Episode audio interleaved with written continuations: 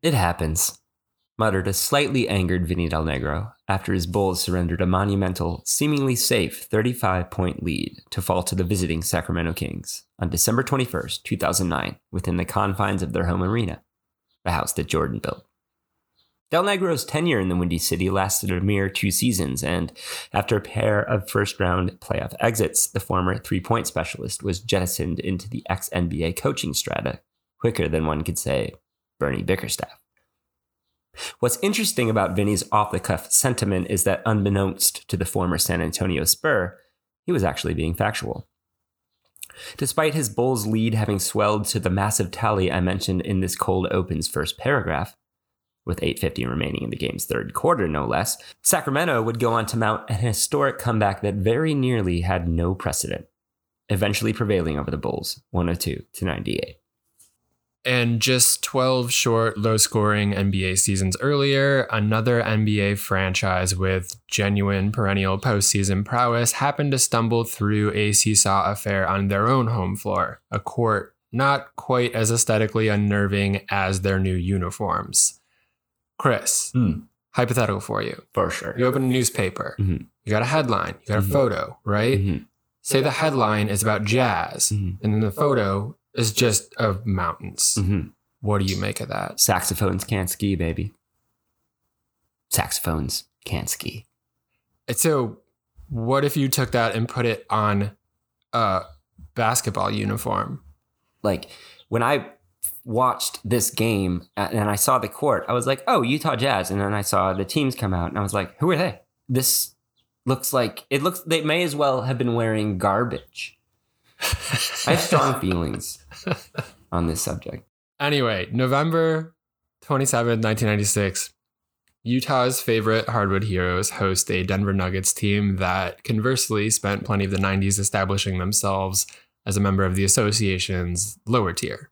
Indeed, they did. Regardless of such comparisons, the difference in potential for Utah and Denver was palpable. Perhaps the lone similarity for the Jazz and Nuggets was of the aesthetic variety we just discussed.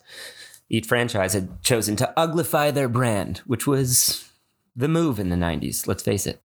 Jerry Sloan's Utah Jazz entered the game in the midst of a seven game winning streak and at 9 and 2 seemed primed to avenge a loss in the 96 Western Conference Finals to Shawn Kemp, Gary Payton, and the Seattle Supersonics. Whereas the Nuggets, who'd recently fired Bernie Bickerstaff after a pendulous 3 9 start, and with a team largely made up of NBA journeymen and aging veterans approaching their career twilights, there wasn't much thought of them giving Stockton, Malone, and company much of a game. However, on this historic evening in the city of Salt Lakes, Utah native and newly hired Denver coach Dick Motta, who'd guided his club to victory an evening earlier versus the lowly rising Sons of Phoenix, had his team up by no less than 36 basketball points over a team most felt would and eventually did hoist the Western Conference Championship trophy the following May. As with all incredibly surprising happenings, it didn't last. The mailman, with little help from the Robin to his Batman Stockton, but a bevy of clutch second half shots from future NBA head coach Jeffrey Jonathan Hornacek, delivered the biggest comeback in NBA history, just in time to destroy some equally seared Thanksgiving turkey.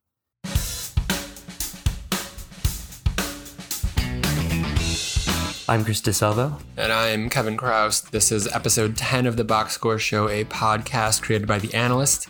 It is in fact the final episode of our first season. Yes, yes. Streamers are falling from the rafters as we speak. We're discussing slash cross-examining one remarkable box score each week with all sorts of info about its relevance then and now. In terms of games, we try not to be too obvious with the box scores we choose. This caters to a hungry Thanksgiving audience ready to feast on their own statistical curiosity. And in terms of stats, nothing too advanced. We'll rather stick to the stats we all grew up understanding, processing, and reading in newspapers in box scores.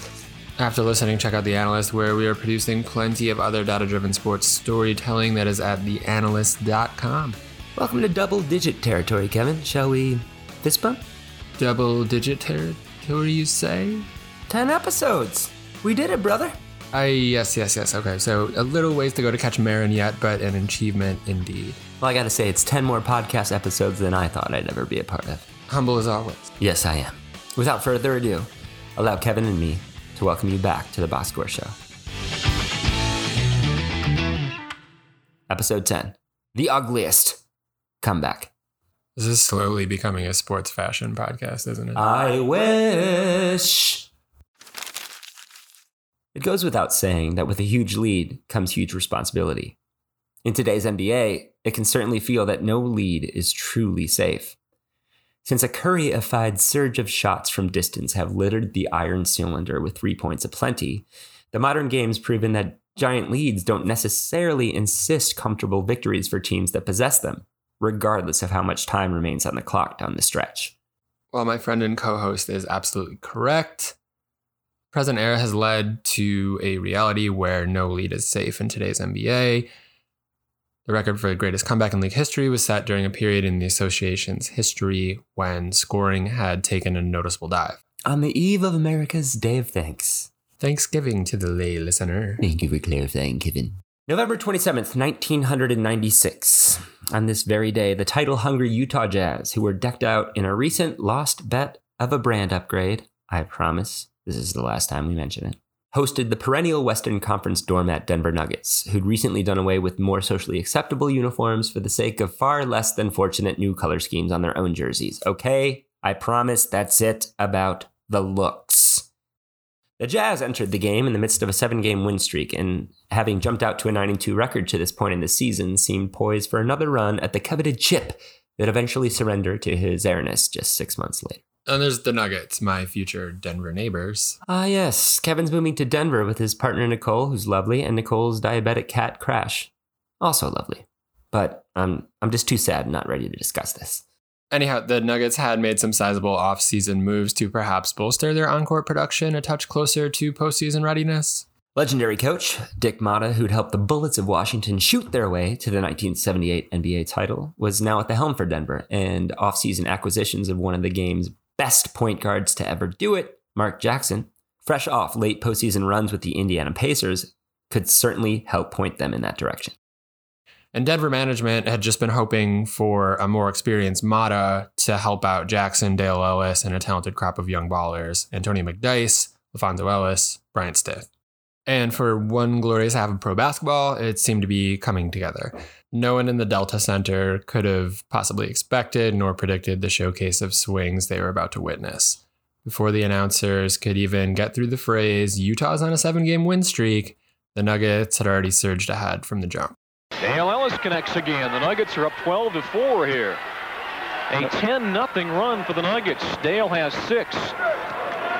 12 to 4, Denver. Denver and their recently acquired assist machine's innate ability to get his entire team involved in scoring early and often, the Nuggets found themselves ahead by a staggering 17 point margin halfway through the first quarter. 17 point lead for Denver, 27 to 10 Nuggets. This crowd is stunned here. I think the Jazz players are at this point also. And behind the hot early shooting of Dale Ellis, who made his first five shots, Denver found themselves up by 22 points with three minutes to play in the first round. One could even say their lead was approaching a mile high at this point. One could. One certainly could. By the time the buzzer rang to the end of the first quarter, the poorly dressed Nuggets led the poorly dressed Jazz 37 to 19. The second quarter proved to be more of the same from Denver. It seemed like they couldn't miss a loved one from any distance. After swishing their first four offerings of the period, they found themselves up 46 to 21, connecting on a staggering 83.3333333333. It goes on like that percent of their shots to this point in the contest. The Jazz, on the other hand, couldn't make dinner to this point, having found the net through the iron of the basket just 37.9% of the time. And by the time they'd played five minutes of period number two, Denver had doubled Utah's total of just 27 basketball points. The exclaimed punctuation of the moment would be exemplified by who else? Mark Jackson's steal and fast break prayer of a layup and one to give his Nuggets a 32 point advantage at 60 to 28. Jackson with the steal. He's got Tommy Hammonds. Oh, Play up. Good foul. It's showtime. The Nuggets just can't do anything wrong in this first half. Indeed, and after a McDyess jumper, immediately after Jackson's open court theatrics, the Nuggets find themselves 25 of 30 from the field, future Hall of Fame coach Jerry Sloan in the midst of the first half of his 23 season run at the helm of the Jazz now gets teed up. Dale Ellis sinks the technical free throw, his 19th point of the half. And that helps Denver's lead swell to 33 seemingly insurmountable points. Still, these are the freaking Jazz. They're going to win the Western Conference. The shooting's going to cool down. The Jazz are going to make a run. And Right. the question is, can the Nuggets hold them off in the second half? You know it's going to come. Yes, and I'm going to need to get the notes on which brand of Magic 8 Ball the announcers for this game were holding on this fateful evening because, boy, were they spot on in this assessment. However, before this inevitable cooling off, Denver captain Bryant Stith's corner three on Jackson's 11th assist of the first half puts the Nuggets up by the widest margin of the evening. Just a handful of seconds from the first half's mercy inciting conclusion, the 4 9 Denver Nuggets lead the 9 2 Utah Jazz by a tally of 70 to 34. A 36 point difference in team points, setting the bar at its highest point of the evening and stitching another historical statistic into the fabric of NBA history as the widest margin a team could eventually come back from. Ever. By the time the horn blows the first half away into the record books, it's 70 for Denver, 36 for the hosts. So it's down to a mere 34. Denver shot a very decent 73% from the field, shot a very 2021 esque 9 of 14 from beyond the arc. The Nuggets announcers had some fun uh, at Jazz owners Larry Miller's expense here when they said he was probably thinking, I'm paying Stockton Malone 15 million a year for this. Denver's players also had to be feeling good. Really good. Perhaps even a mile high. I'm going to make this joke work. Motta said, When you're 34 points ahead, you're basically obligated to go on and win. And coming from a coach who'd been in nearly 2,000 regular season games to this point, one would imagine he knew what he was talking about. The data, of course, reinforces Motta's logic in saying so. And we scoured the league's history and found only a handful of games in which such a lead wound up not being sufficient. As far as we can tell by digging into the record books, there have been only six 30 point regular season comebacks in the history of the league. Since the 2000 2001 season, there have been 308 comebacks from at least 20 points down. So that's 1.2% of games but only four from 30 down in that time in the 25,104 games, 0.02% over that span. And it's not like Utah comes out like a squad on a mission to start the second half. This is more than exemplified in the oddly porous play of future Hall of Fame guard John Stockton, whose early three point attempt clangs against the iron like a flaccid pebble. And this really sets the early second half tone of more of the same for these teams in the early going. Funnily enough, the announcers still insist Denver's got a lot of work to do to retain their massive lead on the Jazz's formidable squad. As the lead recoils inside 30 points, they go as far to say, oh, they really need a basket here. No, no, you don't. But, Kevin, we must give credit to these announcers. They do not believe it is over. Perhaps they had a horoscope access we were not made aware of, or they know they have to keep viewers from changing the channel. Either way, Denver's lead extends back to 33. Yeah, and we've really got to give some credit to the Jazz fans here. They really started to get back in it, even if the Jazz aren't yet. After a Hornacek jumper brings them within 27 at 74 47, they're celebrating the way a slew of maybe proud fathers would during a late inning Little League rally. Anyhow, to set an ominous tone even further, the Nuggets managed to open the third quarter with a comparative paltry one of eight shooting to surrender more of their once momentous lead. Just as the announcers had insisted would be probable, if not possible, these were the freaking Utah freaking Jazz. And though Malone struggled his way to a mere, for him, 10 points in the first half, swingman Jeff Hornacek had found his stroke in the first two periods, scoring 13 points. Stockton, who never got anything going from the field, winding up a abysmal 2 of 12 when it was all said and done, was a master at finding other ways to contribute. Need I mention he's the NBA's all time assist leader? We all know this, right? This is a nerd friendly podcast, right? Indeed, my Italian amigo. So, yeah, Stockton was two of 12. The game before this, he was one of six. So, 16.66666% in both. Quite the slump for such an unshakable player. So unshakable that it shakes Chris. I'm shaking right now. Always a Bulls fan. So, Stockton only shot worse than this twice in his regular season career when attempting at least 10 shots. and his best shooting night of his career when attempting at least 10 shots. It was the next effing game. He went 12 of 13 against the Clippers, aka the laughing stock of the 90s. It's also pertinent that we mention Sloan's prowess as a play caller for Utah.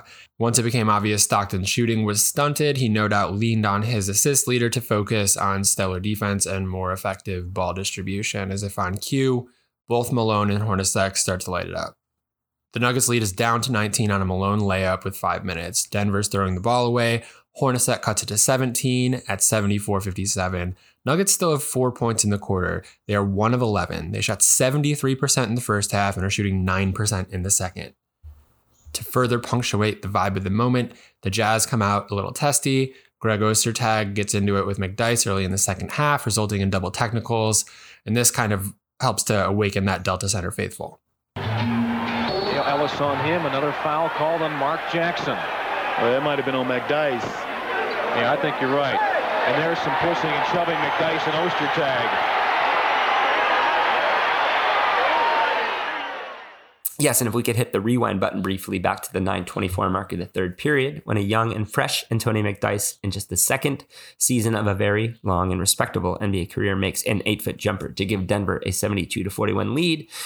We witnessed the last time the Nuggets have a lead of that size, and Denver would fail to make another field goal until there were just 38 seconds left to tick away in the third quarter. This is as ice cold as Val Kilmer's performance in 1986's most lauded blockbuster, Top Gun. Decade old feels feels a little bit like a stretch. You got to make a little bit of a stretch before you make a little bit of a run. Am I wrong, Kevin? Touche, my good friend. Anyhow, then third period concludes with Denver clinging now to a 13 point lead. It is 85 72. Though the Nuggets are still shooting a more than respectable 58% from the field for the game, it was Brick City for them in the third, a 12 minute sample size in which they shot 15 whole percent. Speaking of bad basketball playing, it should be noted that Stockton missed his fourth pull up three point attempt of the game as the third quarter ends, perhaps keeping the fading hopes of victory alive and well in the minds of Denver's Nuggets. Perhaps not. 100%. They had no chance. Malone's 15 third quarter points proved to be a sign of things to come for Utah, who showed no signs of continuing their avalanche of shots to further reel in the Nuggets and their rocky shooting from any distance in the second half. After making seven field goals during his red hot start, Ellis had none in the second half while missing on all six of his shot attempts, five of them from beyond the arc. Denver made 27 field goals in the first half, but only eight while shooting 26.77777% in the final 24 minutes of the game. Always good for a recycled cliche of a quote. Motta captured the vibe de los Nuggets in this moment after the game. We looked like deer in headlights. And nobody fears the deer in the headlights. Particularly when Giannis was two years old. Shout out. At this point, though, once jovial Denver announcers weren't having such a good time anymore, they began belly aching about the officiating as Malone seemed to be freely hammering the Nuggets at one end, but going to the free throw line for getting breathed on at the other end after powering his way into the basket. But remember, this was an era of the stars. They got star treatment, especially on their home floor. And despite the lone consistent play of their captain, Bryant Stith, whose uncanny accuracy from deep kept Denver's hemorrhaging lead from slipping away any quicker than it did, Stockton's incessantly jockeying defense and passing ability, alongside Karl Malone's man on a mission style of play and showmanship, yeah, Stockton and Malone, the OG kings of the now prevalent pick and roll, were draining the will out of Denver's one certain chances at victory. At this point, Stockton finds Shandon Anderson on a fast break dunk. It is an eight point game. This place is about to explode. And then it's a six point game. 88 82. Stockton misses a few more shots, but at least at this point, seems to now be realizing he can't get a three over the front of the rim and is getting into the lane. Stockton finds Morris with seven minutes left on a dunk, 88 84. Stockton then misses again. Malone gets the rebound though, 88 86. Denver is shooting 13% in the second half. Denver has 20 points in the second half. There's 520 left. Though Stith did sink a three to lift Denver back up to 88 74 with 10.25 left in the game, Chris Morris, a longtime New Jersey net who was in his second season in Utah, had seven points during a 12 0 run that sliced the deficit to two with 6.25 remaining. He hit two three pointers in the fourth quarter after missing his first 12 attempts from distance in the season. Morris, a three try. Yes, it's tied up at 91.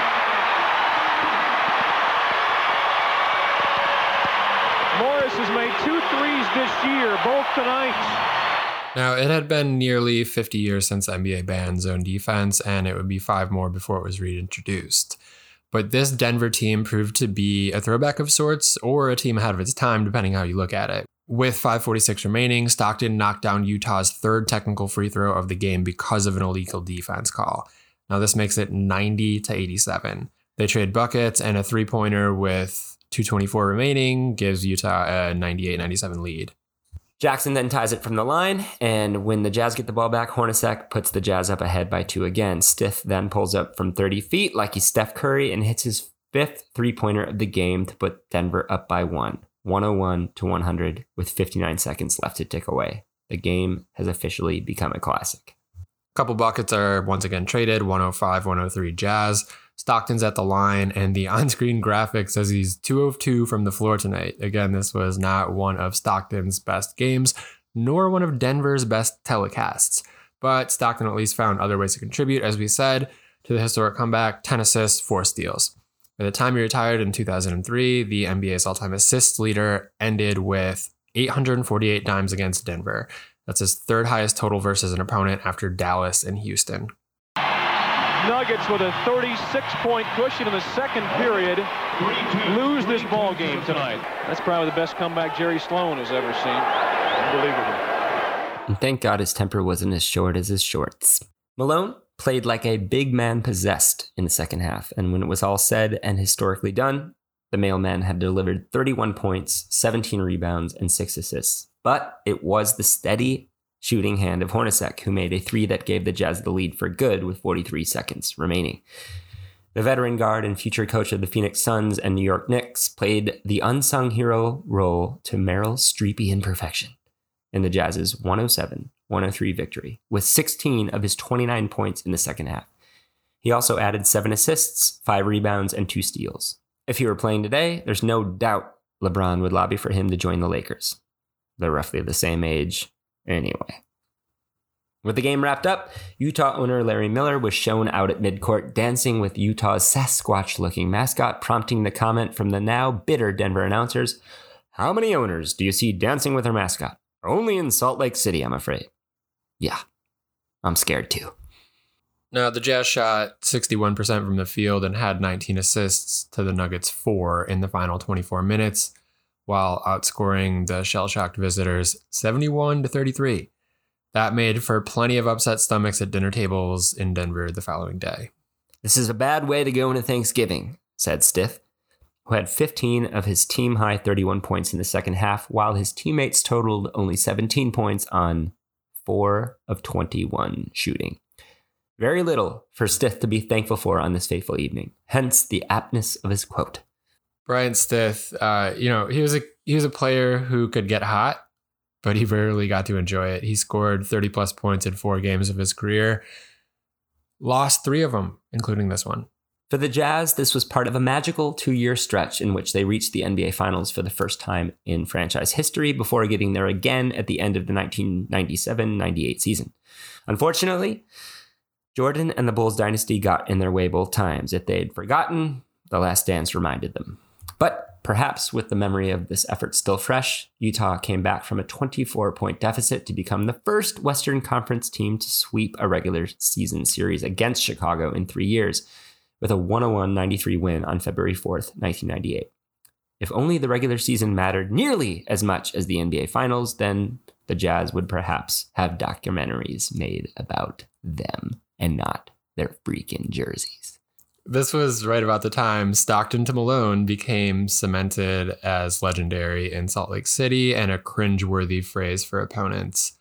In 96 97, the Jazz would extend their winning streak to 15 after beating the Nuggets before posting another 15 game run from March 12th to April 11th on their way to a franchise record 64 and 18 record. Malone took home MVP honors and paid for it in the playoffs. On the other hand, Nuggets seemingly never recovered, losing their next nine games and finishing a dismal 21 and 61. They were dismantled before and after losing 26 of their final 30 games. At midseason, they traded Jackson back to Indiana and Pierce to the Charlotte Hornets. Afterward, Denver dealt McDyess to the Suns, Ellis to the Sonics, and Ervin, still not Magic, Johnson to the Milwaukee Bucks. The following year, they finished 11 and 71 to equal the second fewest victories in an 82 game season in the league's history. It's now tied for third thanks to the 2015 2016 Philadelphia 76ers, who went 10 and 72. Shout out to my friend Dan Meyer, aka Donnie Baseball. Our thoughts are with you. As for this night, in contrast to Del Negro's It Happens, Motta confessed, I've seen a lot of things over the years, but that's got to be the biggest comeback in NBA history. Of course, it was, and it remains so almost 25 years later.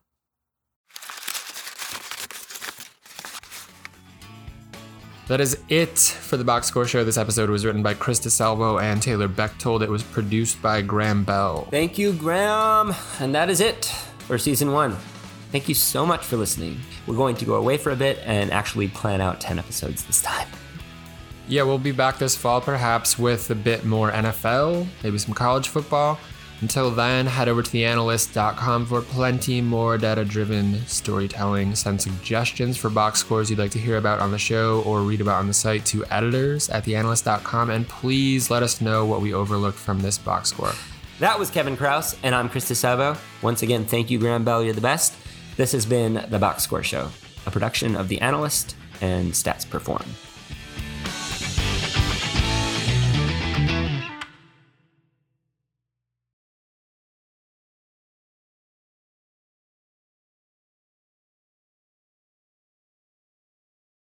I think that's Confucius.